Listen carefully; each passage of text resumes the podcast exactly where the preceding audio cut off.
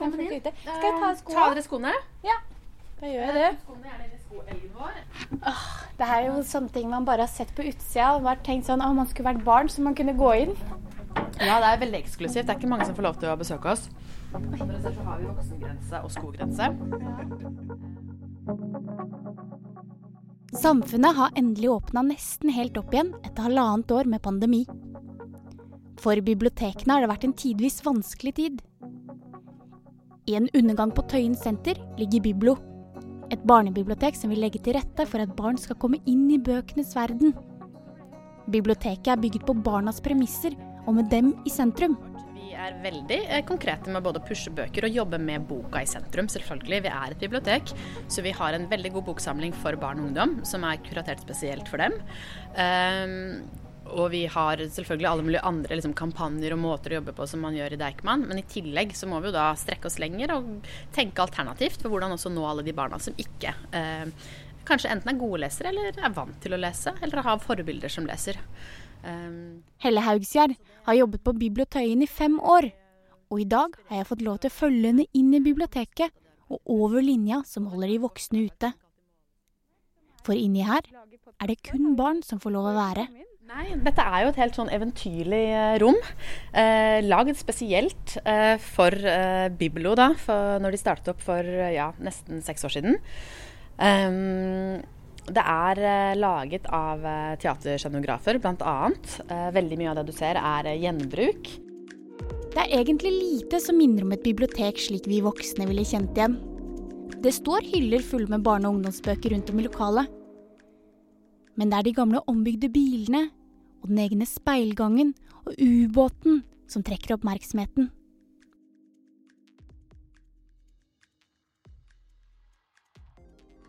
Eh, bilene vi har foran oss, har faktisk rullet på veiene. Eh, vi har to italienske biler her, og så tror jeg den eh, Volvoen der har gått på noen tyske veier for lang tid tilbake. Og den har vi jo nå transformert om til et kjøkken. Så disse to litt mindre oransje bilene våre, de eh, Piaggio, da, det, de er verkstedbilene våre. Så der har vi ofte forskjellige verkstedsaktiviteter for barna. Eller sånn bokutstillinger som vi har nå.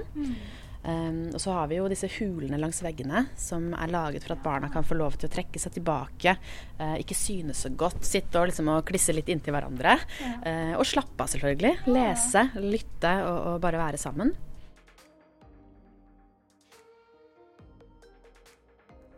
Biblo har egen scene, et eget kjøkken, små avlukker der man kan sitte for seg sjøl og lese eller spille spill, og gondolkurver som henger fra taket. Så ser du taket vårt, så har vi um, skinner. Og det er fordi at hele rommet er liksom plastisk, så man kan endre det. Alle bokhyllene henger eh, og kan endre posisjon. Det kan også disse gondolene. Vi har fire gondoler, gamle skiheiser, ja, ja. som også har vært oppe i lufta og vært brukt til det de, de egentlig var laget til tidligere. Og her sitter barna ofte inni og leser eller spiller spill eller gjør lekser. Rommet er levende, og det betyr at alt er festa på skinner i taket og kan forandres slik man ønsker det. Det gjør at rommet kan bli en italiensk restaurant, et eget sparom eller et romskip. Ja, her er det bare fantasien som setter grenser. Ubåten. Der er liksom et sånn hemmelig, magisk rom. Magisk, eh, rom um, hvor barna veldig ofte bruker. Det er, liksom, det er superpopulært. Um, der løper de ofte for å få liksom, tinge den plassen først, da, for der kan de være mange sammen, og det er liksom skjult og hemmelig bakerst i lokalet. Um, altså det er lagd på barnas premisser, på en måte, med barneblikket. Um, både for at de skal selvfølgelig føle seg hjemme og ha lyst til å være her, at det skal invitere til undring og til kreativitet. Um, og det er deres hemmelige sted. Her ser du vi har 3D-printere mm. som barna selv uh, er med på. Og både å bestemme hva de skal gjøre og lære seg å printe. Så har vi en sånn, sånn, litt sånn tivoligang, en sånn speilgang, som også er ganske underfundig. Uh, og her i kjøkkenet er det litt sånn hjertet av Biblo, da, egentlig. Uh, nå har vi jo dessverre pga. pandemi ikke fått hatt det åpent noe særlig, men vi har akkurat begynt igjen. Så tirsdag og torsdager, altså ikke i dag, så har vi uh, mat i kjøkkenet. Og da er det alltid barna som selv er med, lager mat, ofte bestemmer meny, er med og serverer. Um, og det er et veldig sånn, viktig prinsipp for oss at barna er med på alt i størst mulig grad. Um, så alt fra programmering av aktiviteter til hvordan det skal se ut og, og gjennomføres. Um, så er barna på liksom begge sider av den uh, linja, da. Så vi er her for å på en måte hjelpe dem til å utvikle kreativitet og, og analytiske egenskaper og få god selvfølelse og disse tingene som vi jobber for, da. Men hvorfor trenger man et eget barnebibliotek som dette? Det er mange ting. Det ene er jo at dette stedet er laget for at barna skal føle seg hjemme. De kommer til en arena hvor de eh, er hovedpersonene, og er, hvor det fysiske miljøet er laget for dem. Eh, og inviterer dem eh, til eh, å både åpne bøker, men også til å, undres, og alt det som ligner på bøker. Um, og spesielt trenger man et sted som dette akkurat her, fordi vi er rett og slett eksperter på å lese illuderende opplevelser. Sånn at her er det mange barn som ikke er gode lesere. Det er mange barn som aldri har blitt lest for hjemme. Uh, så det å åpne en bok, um, det er en stor terskel. Men det å være med på opplevelser som vil føre dem til boka seinere i livet, uh, det vil de veldig gjerne. Og de vil veldig gjerne også ha gode voksne, og de vil ha voksne som er eksperter på å liksom, åpne kreative rom inn i dem. Eh, um, og ta dem på alvor og la de få være kreative og bidra med alt det de kan. Uh, en ting er jo på en måte biblioteket som demokratisk institusjon, uh, og barna er jo en del av demokratiet vårt. De bør ha en tydelig stemme, også uh, i biblioteket. Og da fortjener de et sted som er laget for dem. Mm. Og hvor vi blir, tar, tar og jobber ut fra deres stemmer og premisser. Da. Ja, fordi jeg har jo fulgt dere litt på sosiale ja. medier, sett at det har skjedd en del. Ja.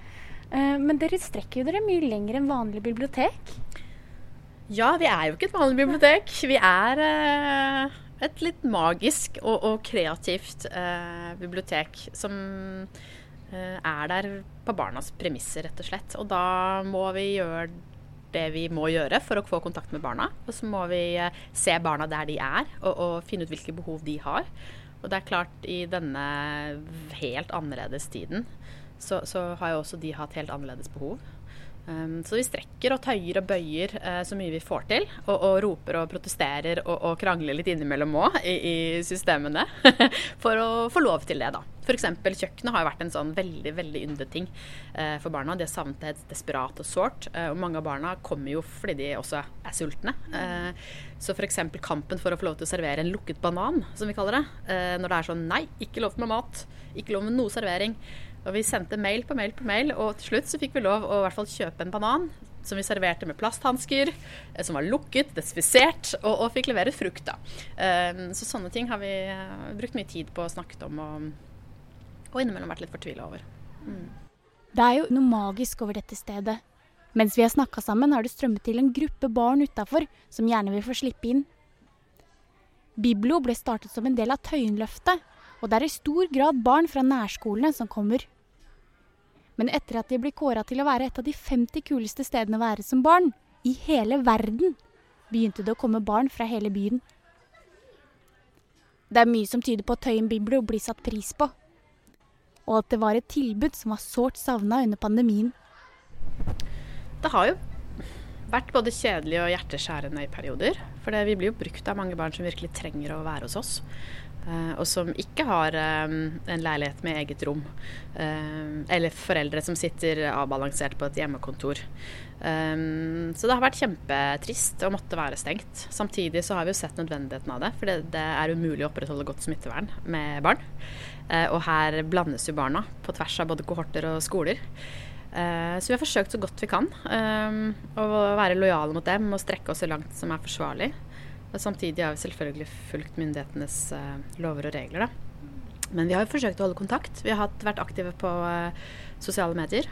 Egentlig så er vi ikke så fan av sosiale medier, men vi har strukket oss til og med vært på TikTok i denne perioden. Forsøkt å, å, å, nå dem og være der for de som trenger det mest. Og svare på spørsmål og, og videreformidle til andre hjelpetelefoner. Um, å snakke om ensomhet, uh, anbefalt bøker. Forsøkt så godt vi kan å ha vært der. Og vi har også ofte vært her, at vi har vært her selv om vi har vært stengt. Og så har vi snakket med de som har kommet forbi. Litt sånn som Utkontaktene har gjort også i mange bydeler. Så vi har forsøkt å være til stede allikevel, så godt vi kan. Og så under første nedstengning så lagde vi en, noen fantastisk låt, sommerlåta vår. Um, så vi har forsøkt å ha kontakt og interagert med barna likevel, da. Og at de har fått være medvirkende i prosjektene våre til tross for nedstengning. Da kan dere to gå inn. Etter å ha venta en stund får barna endelig komme inn på biblioteket. De stiller seg pent opp på rekke og det er tydelig at de har vært med på dette før.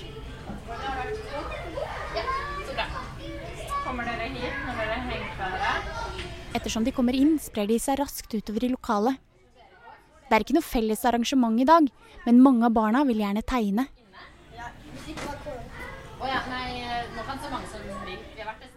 Hva er det liksom som er det beste med Tøyen biblo? Um, at Jeg vet ikke. Um, forskjellige ting å gjøre. Hva liker du best å gjøre, da? Jeg er veldig glad i å lese, så jeg pleier noen ganger å lese. Eller så um, gjør jeg faktisk ingenting. Hva gjør du nå, da? Du gjør jo noe nå. Ja, jeg tegner. Ja, og så liker jeg å spille spill. Eller å Når det er bibelkjøkken, så pleier jeg å enten se på, eller så har jeg lyst til å lage maten. Men nå som det har vært em, korona og sånn, da har du sikkert ikke vært på skolen så mye heller, sikkert? Nei, jeg har ikke vært på Har du vært på biblioteket, da? Eh, Jeg har vært på biblo, men hvis det, når jeg ikke hadde skole, eller ja, når jeg hadde hjemmeskole, så var det sånn enten så var jeg i karantene, så kunne jeg ikke gå ut eller komme hit til biblo. Men var til det hjemmeskole, så kunne jeg komme til biblo. Men det kan hende noen ganger når det var hjemmeskole, så var, det, så var biblo også stengt. Hvordan var det, da? Det var kjempekjedelig. Fordi da fikk jeg ikke møte vennene mine, og jeg fikk ikke gjøre gøye ting. Men hvor, hvor er det beste stedet å være på biblioteket, da? Enten i hulene eller i der hvor det er LED-lys rundt um, Sånn type sofagreie. Ja, inni der. Gjennom pandemien måtte Tøyen biblo finne andre måter å nå barna på. Men det er ingen skikkelig erstatning for det å møte fysisk. For Helle og de andre har det vært en tid for læring. Det ene er jo åpenbart barnas kjærlighet for eh, Biblo og vår kjærlighet for Biblo og barna. At vi var sårt savnet, og det ga de uttrykk på, for på veldig mange måter. De, de sendte meldinger, de gikk utafor. Eh, de sendte oss meldinger via skole. Eh, vi fikk tegninger hvor de skrev sånn 'Vi savner Biblo', hvor de sto med sånn blødende hjerte utenfor bygningen her og sånn. Eh, og vi savna dem. Uh, og det var ellevilt å se dem igjen. Uh, og lokalet fyltes veldig raskt opp. Vi trodde jo kanskje at uh, det vil- ville ta en tid før vi fikk liksom, brukerne våre tilbake igjen. Det skjedde ikke. Tvert imot. Det kom enda flere. Um, så vi har jo sett eh, graden av nødvendigheten til at vi er her, da. Og, og, um, og så har vi jo lært oss en del sånn Vi brukte mye god tid på å planlegge gode videre prosjekter. Eh, og sånn sett så eh, fikk vi jo eh, vi fikk jo på en måte litt sånn uvurderlig tid da, til å reflektere over arbeidet vårt, til å skru det til ennå noen hakk om hvorfor vi jobber som vi gjør, og hvorfor vi gjør det vi gjør. Um, så vi lærte oss TikTok. Det er vi jo glad for. vi har en eminent eh, SoMe-ansvarlig, da. Det er Mats. Det er overhodet ikke meg, men han er veldig flink. Han har eh, laget en nydelig uh, ny profil og visuell profil sammen med, sammen med en grafisk designer som vi har. Um, vi har jo også for så vidt måttet gå gjennom alle aktivitetene våre da, og se hva som virkelig uh, treffer barna. Hva vi kan gjøre og hva vi ikke kan gjøre. Uh, og vi har måttet strekke oss lenger, på en måte. Eh, og vi har vært i mange liksom, eh, personlige hva skal vi si, måtte ha personlige samtaler med oss selv. Hvor langt vi syns det er komfortabelt å gå. F.eks. bruk av munnbind, så enkelt som det. At når vi har munnbind, så er det helt umulig å kommunisere med barna. De ser oss ikke, de tar oss ikke på alvor. De skjønner ikke at vi bryr oss. De husker egentlig ikke helt hvem vi er.